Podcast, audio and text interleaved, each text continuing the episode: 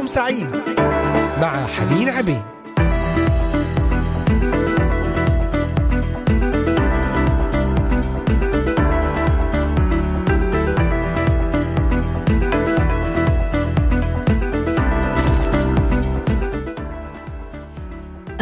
بكم أحبائي المستمعين في حلقة جديدة في يوم جديد وأسبوع جديد. اليوم الاثنين السادس عشر من شهر يناير عام 2023 من الأراضي المقدسة.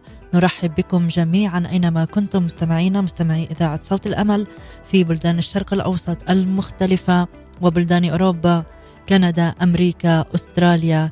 أجمل ترحيب بكل الأحباء الآن في هذا البث الحي والمباشر معكم حنين عبيد. تحية لكل المستمعين عبر قناة اليوتيوب إذاعة صوت الأمل بث مباشر وعبر تطبيقات الهواتف النقالة Voice of Hope Middle East وعبر موقعنا الرسمي voiceofhope.com ومن يتابعوننا عبر صفحة الفيسبوك إذاعة صوت الأمل ومنصتي التليجرام والإنستغرام Voice of Hope وأيضا عبر منصات البودكاست المختلفة. ما أجمل أن نبدأ هذا البرنامج وكل أمر نبدأه بكلمة الرب. المباركة المقدسة أشجعك أن يكون لديك كتابك المقدس لتكون الكلمة أمام عينيك تتأمل فيها وتقرأها معنا. المزمور السادس عشر لداود. احفظني يا الله لأني عليك توكلت. قلت للرب أنت سيدي خيري لا شيء غيرك. القديسون الذين في الأرض والأفاضل كل مسرتي بهم. تكثر أوجاعهم الذين أسرعوا وراء آخر.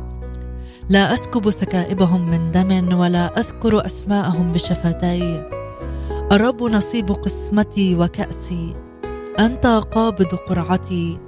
حبال وقعت لي في النعماء. فالميراث حسن عندي. أبارك الرب الذي نصحني وأيضا بالليل تنذرني كليتاي جعلت الرب أمامي في كل حين لأنه عن يميني فلا أتزعزع. لذلك فرح قلبي وابتهجت روحي. جسدي أيضا يسكن مطمئنا لأنك لن تترك نفسي في الهاوية. لن تدع تقيك يرى فسادا. تعرفني سبيل الحياة. أمامك شبع سرور في يمينك نعم إلى الأبد. آمين آمين. آيات مباركة آيات معزية. آيات يجب أن تكون شعارا لنا في كل يوم في مسيرتنا مع الرب. أحبائي نتحدث في هذه الحلقات عن كيف نتغلب على القلق وتحدثنا في الحلقات السابقة عن الاتزان. الاتزان كيف نحصل على هذا الاتزان؟ كيف نمتلك هذا الاتزان ونحيا به في كل أمور حياتنا؟ اليوم سنتحدث عن الاتزان بواسطة الاسترخاء. فلا تستطيع أن تحتفظ بهدوئك واتزانك إذا كنت في حالة من التوتر. هذا أمر بديهي طبيعي. وكذلك لا تقدر أن تسترخي وتقلق في آن معا. تعلم كيف تعمل تحت ضغط المسؤولية دون أن تعمل وأنت متوتر. افعل هذا فيما تأخذ فترات استراحة دورية أي افعل كل المسؤوليات والالتزامات والنشاطات التي عليك وأن تأخذ بينها فترات استراحة في وسط العمل. وقد تكون هذه الفترات تنويعا في نوع العمل. أي نوع العمل؟ قسم المهام. بهذه الطريقة وحدها يداوم قلبك على العمل لمدة تربو على السبعين سنة. نعم. وصدقني عزيزي المستمع إنها لطريقة ناجحة ناجعة. إن قلبك يضخ من الدم في جسدك كل 24 ساعة ما يكفي لملء صهريج قطار. فهو يقوم بمجهود كبير كل يوم يوازي جرف عشرين طنا من الحصى إلى مكان يعلو أكثر من متر عن الأرض. وسبب قدرة القلب على القيام بهذا المقدار من العمل الذي يكاد لا يصدق هو أنه ينبض باعتدال ويعمل فقط تسعة ساعات من أصل 24 ساعة. فإن فكرت أن تبرر توترك في العمل لكثرة مسؤولياتك وهذا سبب لربما منطقي لكن من الأفضل أن تتغلب على هذا. لا يستطيع أي إنسان أن يتحمل المسؤوليات التي تحملها الرب يسوع. فإن جاز لأحد أن يبرر توتر أعصابه فإن هو إلا الرب يسوع. ومع ذلك فقد كان يسوع دائما مستريحا دائما يتكلم بالهدوء. دائما كان هادئ الأعصاب متكل على الله الآب وحده. فإن كان الحق لأي شخص أن يكون متعب ودائما مضغوط هو الرب يسوع لكثرة المشغوليات والمسؤوليات والخدمات وحمل الصليب. وحتى عندما حاول أعداؤه قتله احتفظ بهدوئه واجتاز في وسطهم في كل سكون. آمين. يسوع مثالنا في كل شيء. سنتابع في الحديث بعد هذه الترنيمة مع زياد شحادي من آلاف السنين. ابقوا معنا. من آلاف السنين وعدك لشعبك صار ترد سفي النفوس وتخلي قفري أنهار. ترد سفي النفوس وتخلي قفري أنهار. وتعود وتدي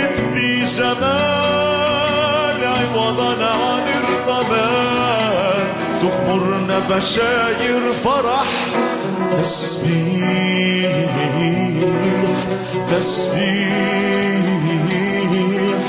تسبيح بدل اللواح تشفي رحم القلوب وتشدد عصر الضعاف وسنيننا كلها الجرار هتعوض عنها أضعاف. سنين أكلها الجراد هتعوض عنها أضعاف وتعود. وتعود وتدي جمال عوضا عن الرمال. تغمرنا بشاير فرح. تسبيح. تسبيح.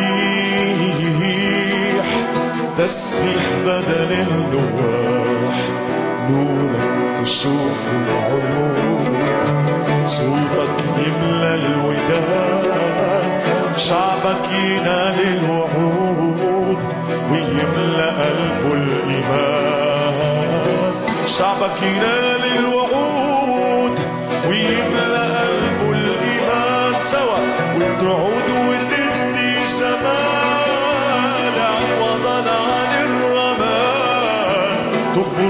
بشاير فرح تسبيح تسبيح تسبيح بدل النواح أنتم تستمعون الآن لبرنامج نهاركم سعيد مع حنين عبيد.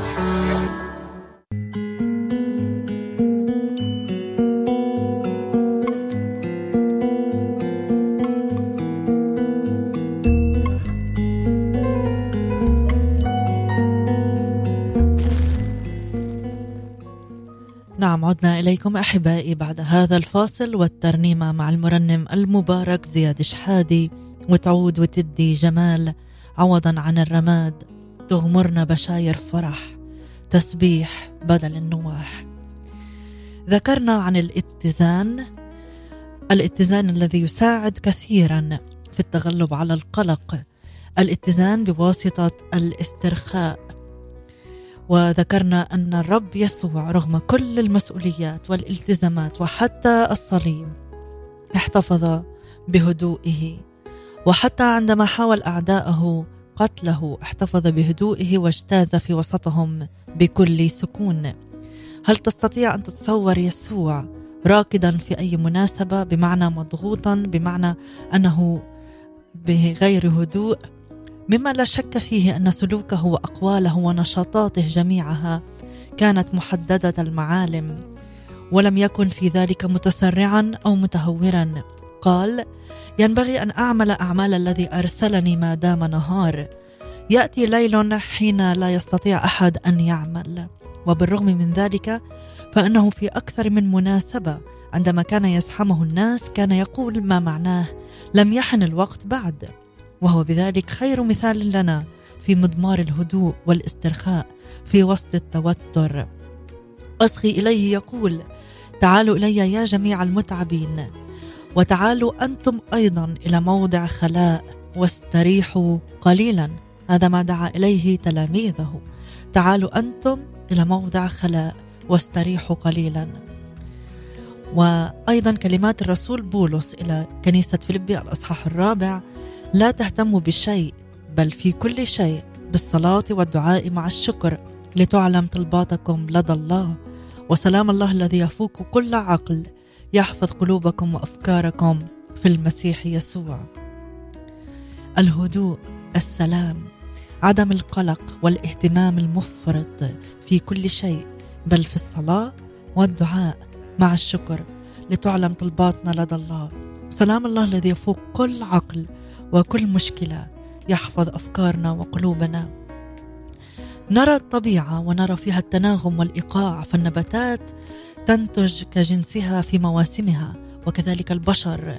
ثم هناك إيقاع وانسجام في عملية التنفس في المد والجزر في الشروق والغروب. إن أهم ما يتميز به الموسيقي الهاوي هو أنه لا ينتبه كثيرا للسكنات الموسيقية. والمخترع العظيم توماس واجه الانتقادات ولكن يجزم في نفسه موضوع كتابه سلام الفكر. إن جو بيته يشعرك بسماء مصغرة عدا أن الشركة معه ومع عائلته هي بركة بكل معنى الكلمة. هذا مثل للشخص يعيش في سلام فليعطنا الله القدرة والوقت الكافي لنعمل كل ما يريده منا. فمن واجبنا طالما نحن في علاقة معه أن نستنفذ هذه الموارد الإلهية وأن نستغل الوزنات التي أعطاها لنا إلى أقصى حد حتى تتم إرادته فينا ولنا. لأن إرادة الرب إذا تممناها تشرفنا ويجعلنا نصرع الهم والغم. ليت الرب يساعدنا حتى نتمكن من قول ما قاله يسوع. عندما كان على هذه الأرض العمل الذي أعطيتني لأعمل قد أكملته. آمين آمين. اذا الاسترخاء والاستجمام يساعدان على الاتزان وأيضا الاتزان بواسطة تنوع العمل. ماذا يعني هذا؟ سنعرف خلال الحلقة وبعد الفاصل تابعونا لنرجع إليكم.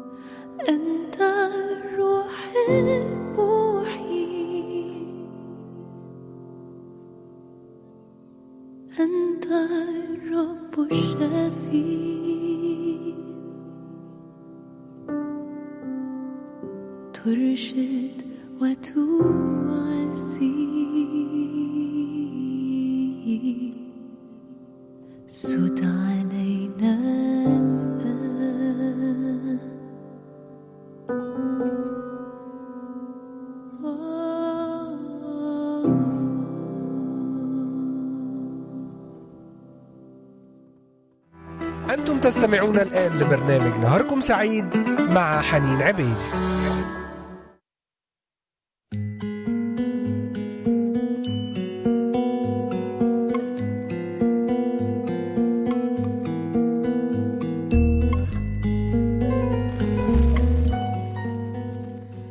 نعم عدنا إليكم أحبائي المستمعين بعد هذه الترنيمة من المرنمة داليا فريد. حبك ثابت لا يتغير.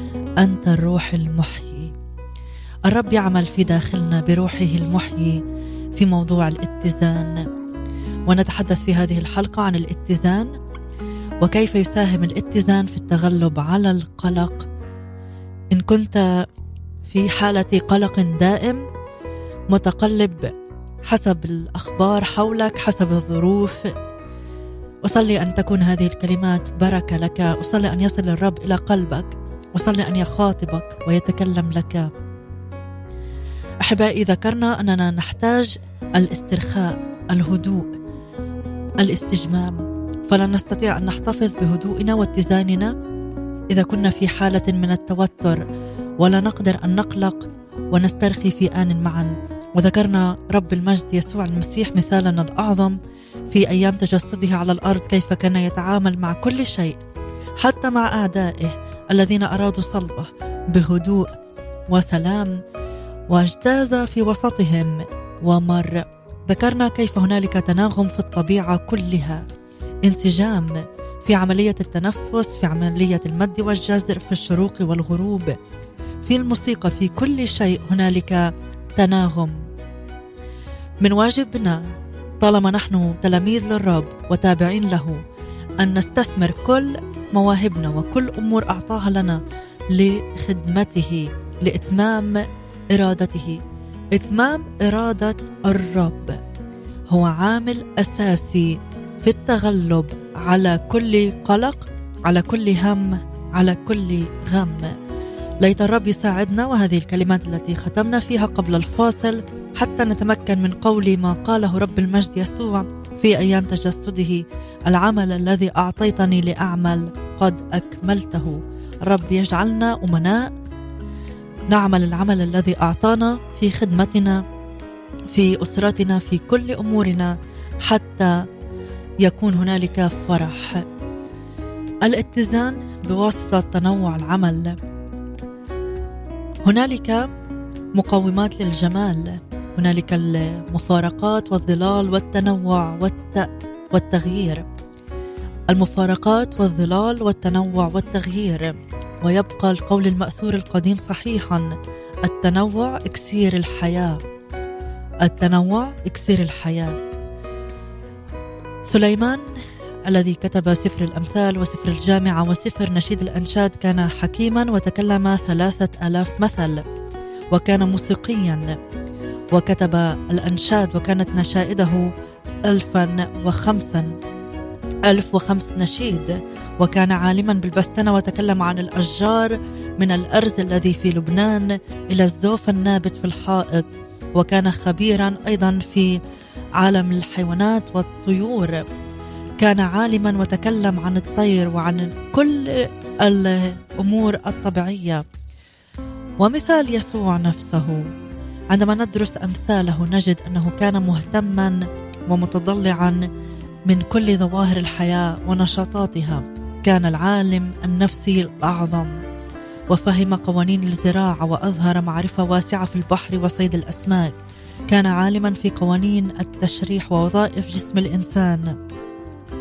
بسبب اهتمامات يسوع الواسعة كان الناس من كافة طبقات المجتمع وعلى اختلاف شخصياتهم وثقافاتهم. يصغون إليه مستوعبين كل كلمة من كلماته. كان يسوع متنوع متنوع الخدمة. كان يخاطب الشاب كان يخاطب الشيخ كان يخاطب الغني الفقير الامرأة الأطفال. كان متنوع في صنع معجزاته. فالتنوع في الاهتمامات والهوايات المسلية أمر يحدث اتزانا. يؤول إلى الهدوء ويضفي أبعادا أخرى على الحياة. ويقوي البصيره وبعد النظر. ماذا عن بولس؟ ذكرنا مثال سليمان ومثال الرب يسوع. ماذا عن بولس؟ سنعرف بعد الفاصل مع مريان عادل. اقترب من عرش نعمتك ابقوا معنا.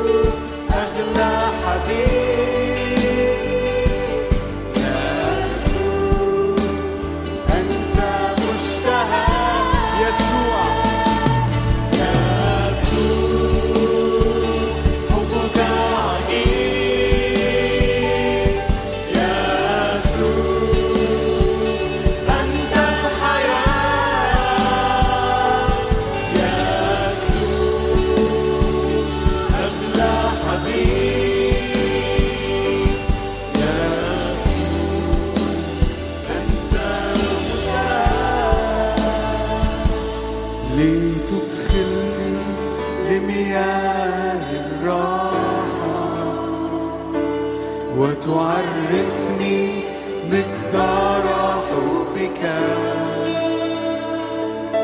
لتدخلني لمياه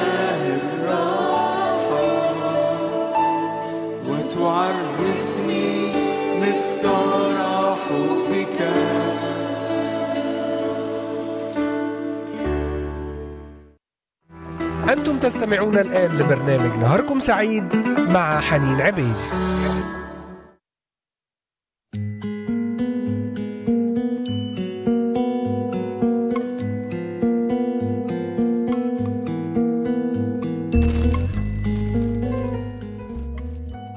نعم باسم يسوع لتدخلني إلى مياه الراحة ولتعرفني مقدار حبك. صلي لتطلب راحة الرب في حياتك. من خلال الاتزان من خلال الانضباط. نتحدث عن الاتزان في هذه الحلقة وكيف يساعدنا في التغلب على القلق. ووصلنا إلى نقطة الاتزان بواسطة تنوع العمل. ذكرنا في قبل الفاصل مثال الرب يسوع نفسه. تجد أنه كان مهتما ومتضلعا في كل ظواهر الحياة. ونشاطاتها.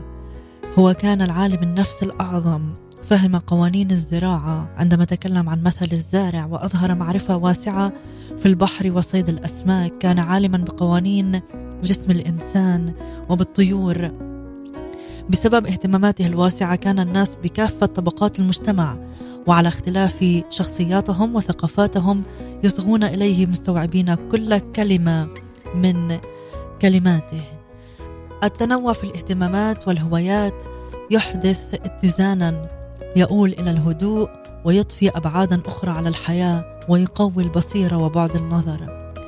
بولس عندما أرغم على ترك بيريه بسبب الاضطهاد والتهديد بقتله لم يذهب إلى أثينا ليقعد متاملا بل بقي منشغلا. نزل إلى السوق العام وأصغى إلى محاورات الفلاسفة واطلع على أنماط عادات الشعب الأثيني. حتى اكتشف لنفسه الأمور الرئيسية التي تستحوذ اهتماماتهم وأدرك تماما نمط تفكيرهم العقلي. وتكتشفت هذه الأمور في النهاية عن كونها مثمرة إلى حد بعيد. بعدما الحوا عليه ليصعد إلى آريوس باغوس حيث يسمح فقط للخطباء والزعماء الكبار أن يتكلموا وهناك ألقى أعظم عظة فاها بها إنسان طبعا ما عدا الرب يسوع وهكذا من خلال تنوع العمل رفض بولس أن يستسلم للقلق وانشغال الفكر بأنه مضطهد ومطارد لأنه يكرز بكلمة الله. لا يستطيع أي إنسان أن يمجد الله ويخدمه بكل قوته إذا كانت اهتماماته وأفكاره مشغولة ومحصورة في مجالات عمل ضيقة ومتخصصة. بدون التنوع في العمل لا تستطيع أن تحتفظ بمتعة عملك لمدة طويلة. وترى أن هذا يسير جنبا لجنب مع ما ذكرناه سابقا من الاهتمام بالآخرين. عندما نهتم بالآخرين عندما نرعاهم عندما نقدم لهم العناية نقدم لهم الخدمة نقدم لهم بشارة الرب يسوع هنالك فرح. بعض ربات البيوت مثلا يجدن متعة في تنوع العمل كإتقان فن الطهي أو التزيين داخل المنزل أو العمل في الحديقة أو العزف على آلة موسيقية أو الكتابة. قال يسوع نعم لتلاميذه تعالوا أنتم إلى موضع خلاء واستريحوا قليلا. وهنا لا يشير طبعا إلى الخمول والكسل. ذهبوا لتناول الطعام ثم انهمكوا بنوع من العمل نوع آخر. ما أكثر ما تأتي الراحة إلا بالتوقف عن العمل بل بتنويعه. عندما أقوم بتنويع العمل هذا يحدث استقرار واتزان وتمتع. كان يسوع كثير النشاطات جم الحركة في عمل أبيه وكان نمط هذا العمل يتغير من ظرف لآخر. ذات مرة سئل الصناعي الشهير روبرت هذا السؤال متى حصلت على إجازة آخر مرة؟ أجاب إني لا آخذ إجازات قط لأن عملي هو مكان تسليتي ولست في حاجة إلى إجازة من التسلية. عبارة رائعة. إن كنا نريد أن نجعل راحة في الخدمة وراحة في العمل فعلينا في التنوع. ها هنا إنسان تعلم بمعونة المسيح ونعمته ذاته بحكمة الهدوء والاتزان اللذين يقهران القلق. آمين آمين. تعالوا نستمع إلى هذه الترنيمة مع فايز عدلي عدى وعداني ونعود ونكمل وإياكم.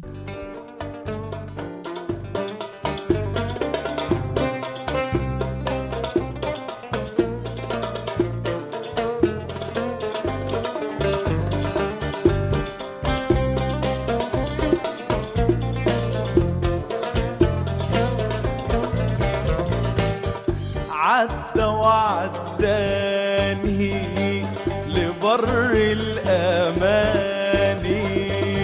عدى وعداني لبر الأماني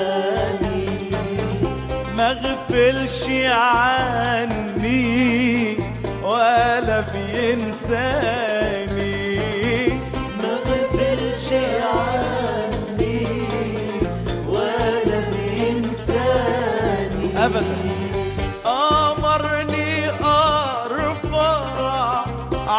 الإيمان وأمد إيدي على البحر كمان.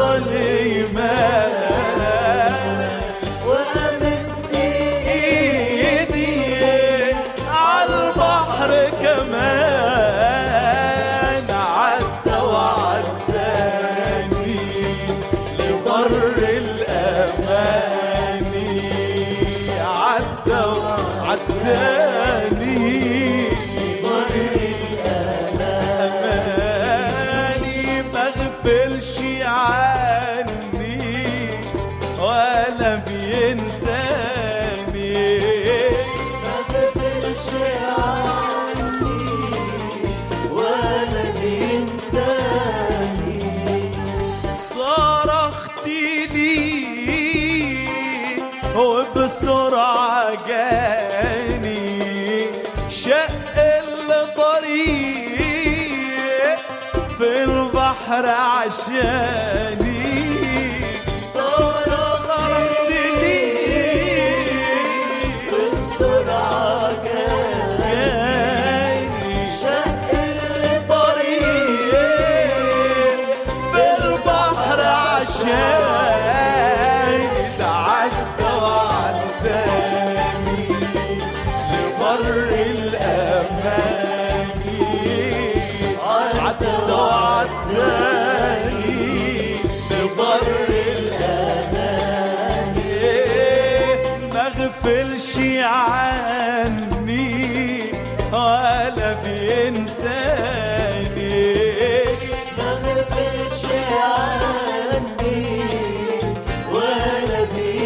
ينساني مش ممكن ابدا ظروف تحده.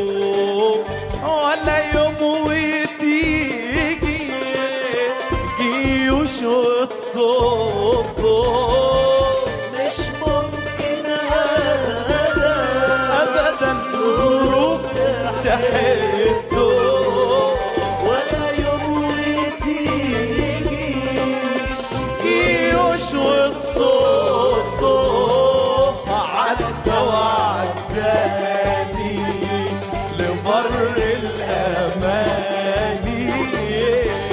عدى وعداني بر الأمان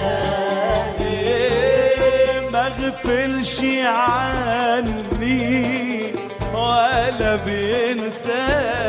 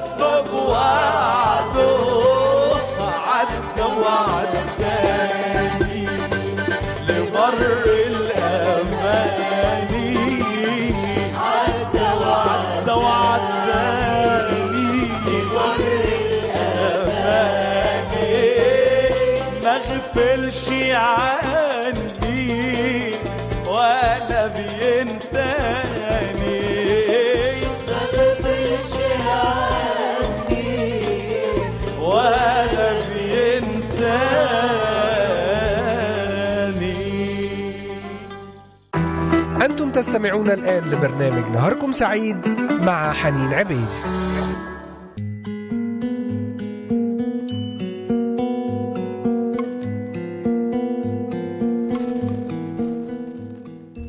ما بيغفلش عني ولا بينساني. عندما أدرك هذا الإله العظيم القدوس الراعي الصالح الذي يمر بي في كل مراحل الحياة. فهذا يحدث لنفسي هدوءا واتزانا واتكالا كاملا عليه. الاتزان بواسطة المهارة والمثابرة. إن مشكلة كثيرين من الناس أنهم ينظرون إلى الغد ويتطلعون إليه بشوق ولكنهم لا يشخصون بأبصارهم إلى يسوع. أعطي لك لحظة من حياتك كل جهدك. وركز انتباهك على العمل الذي تقوم به أو على الشخص الذي تتكلم معه وتتعامل. ليعطنا الرب من الوقت ما نستطيع أن نفيد منه كل فترة بفترتها.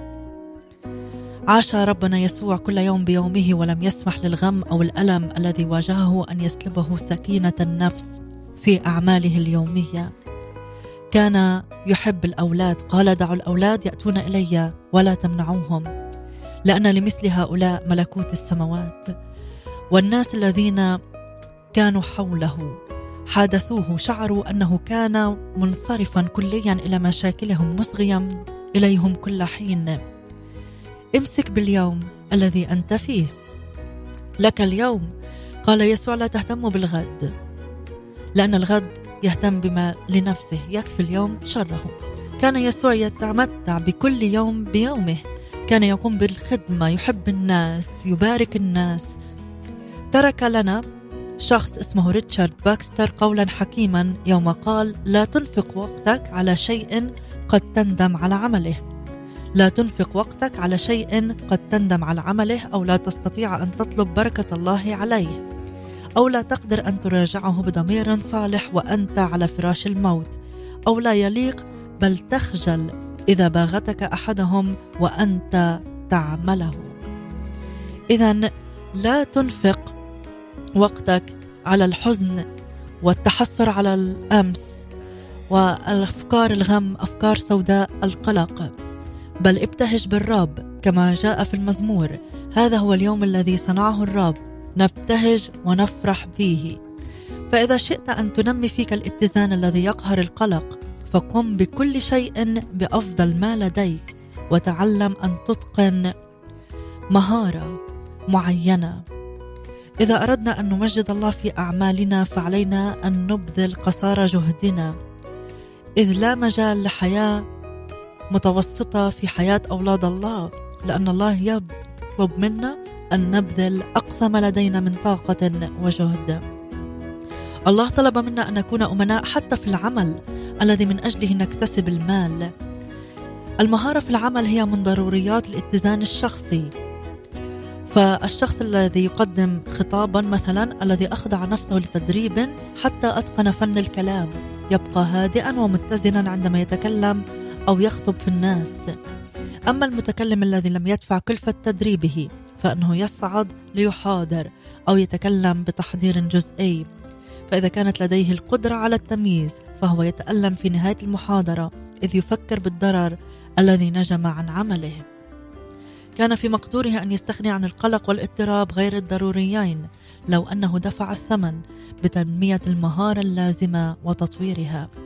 وينطبق هذا الشيء ذاته على العمل عند الطبيب والمحامي والتاجر والصانع والرياضي والفنان والطاهي.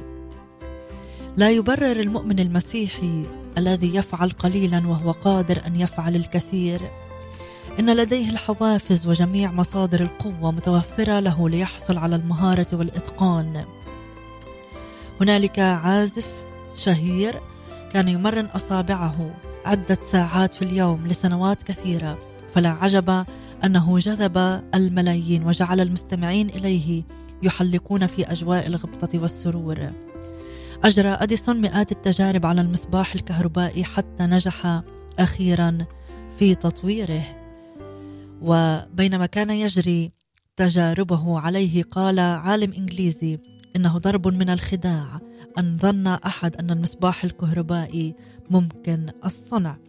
فعندما قال هذا العالم هذا القول استمر أديسون في تجاربه ولم يتوقف تابع ولم يتوقف ولم يعرف في حياته أو عمله حالة وسطى. وأخيرا تكللت جهوده بالنجاح الباهر. وعدة أمثلة لمتى هنري مثلا كان يعمل ساعات كل يوم لمدة أربعين سنة حتى استطاع أن ينجز مجموعة تفاسيره للكتاب المقدس. ويسوع المسيح الرب يسوع ضرب مثلا عن الرجل الذي ابتدأ يبني بيتا لكنه لم يعش فيه أبدا.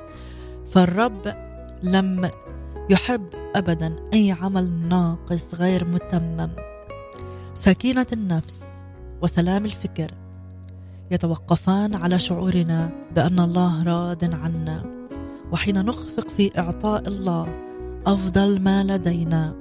فإننا نفشل في تقديم المجد والكرامة لاسمه العظيم وشعورنا بهذا الإخفاق يؤدي بنا إلى الهم والشعور بالتقصير والصراع الفكري. لا شيء كالاتزان الذي يرافق علمنا بأننا قد اتفقنا مع ما هو لمجد الله. هذا الاتفاق الذي يتم فقط بقوة الله. إن لدى كل منا جميع الموارد الضرورية لعمل ما يطلبه الرب منا وعندما نفعل ما يريد نجد الراحة والاتزان والهدوء ونتغلب على كل هم. نحن البشر نحب دوما أن نعمل ما نحسن وما نرتاح في عمله ومن المرجح أنك لن تقلق فيما تقوم بما تحب من عمل. يتسبب القلق عن تقلقل الفكر فحين تفعل ما تحب ينهمك فكرك في شيء واحد. قال بولس الرسول أفعل شيئا واحدا. أفعل شيئا واحدا. نعم يا رب. أريد أن أفعل. أريد أن أكون مثمرا. أريد أن أكون مباركا. أريد أن أكون في تمجيد لاسمك من خلال كل عمل في حياتي. لن أخاف. فأنت معي. تمسك بيميني. تقودني. لاتغلب على القلق عن طريق الاتزان عن طريق استعمال مهاراتي كلها. في العمل في الخدمة في البيت أي مهارة ووزنه وضعتها بين يدي. تكون بركة لمجد اسمك وكثيرين من حولي. أتفق في هذا الكلام وأختمه باسم يسوع المسيح. احبائي أشكركم جزيل الشكر على حسن المتابعة والإصغاء. لكم مني أجمل وأطيب تحية. أترككم مع ترنيمة. أنا الرب قد دعوتك بالبر لا تخاف. أنا معك. باسم يسوع المسيح لن نخاف. سنكمل كل مهمة وكل عمل أعطانا اياه الرب. هذه تحياتي لكم. كانت معكم حنين عبيد. إلى اللقاء بنعمة الرب يوم الغد في حلقة جديدة. ضمن برنامج نهاركم سعيد.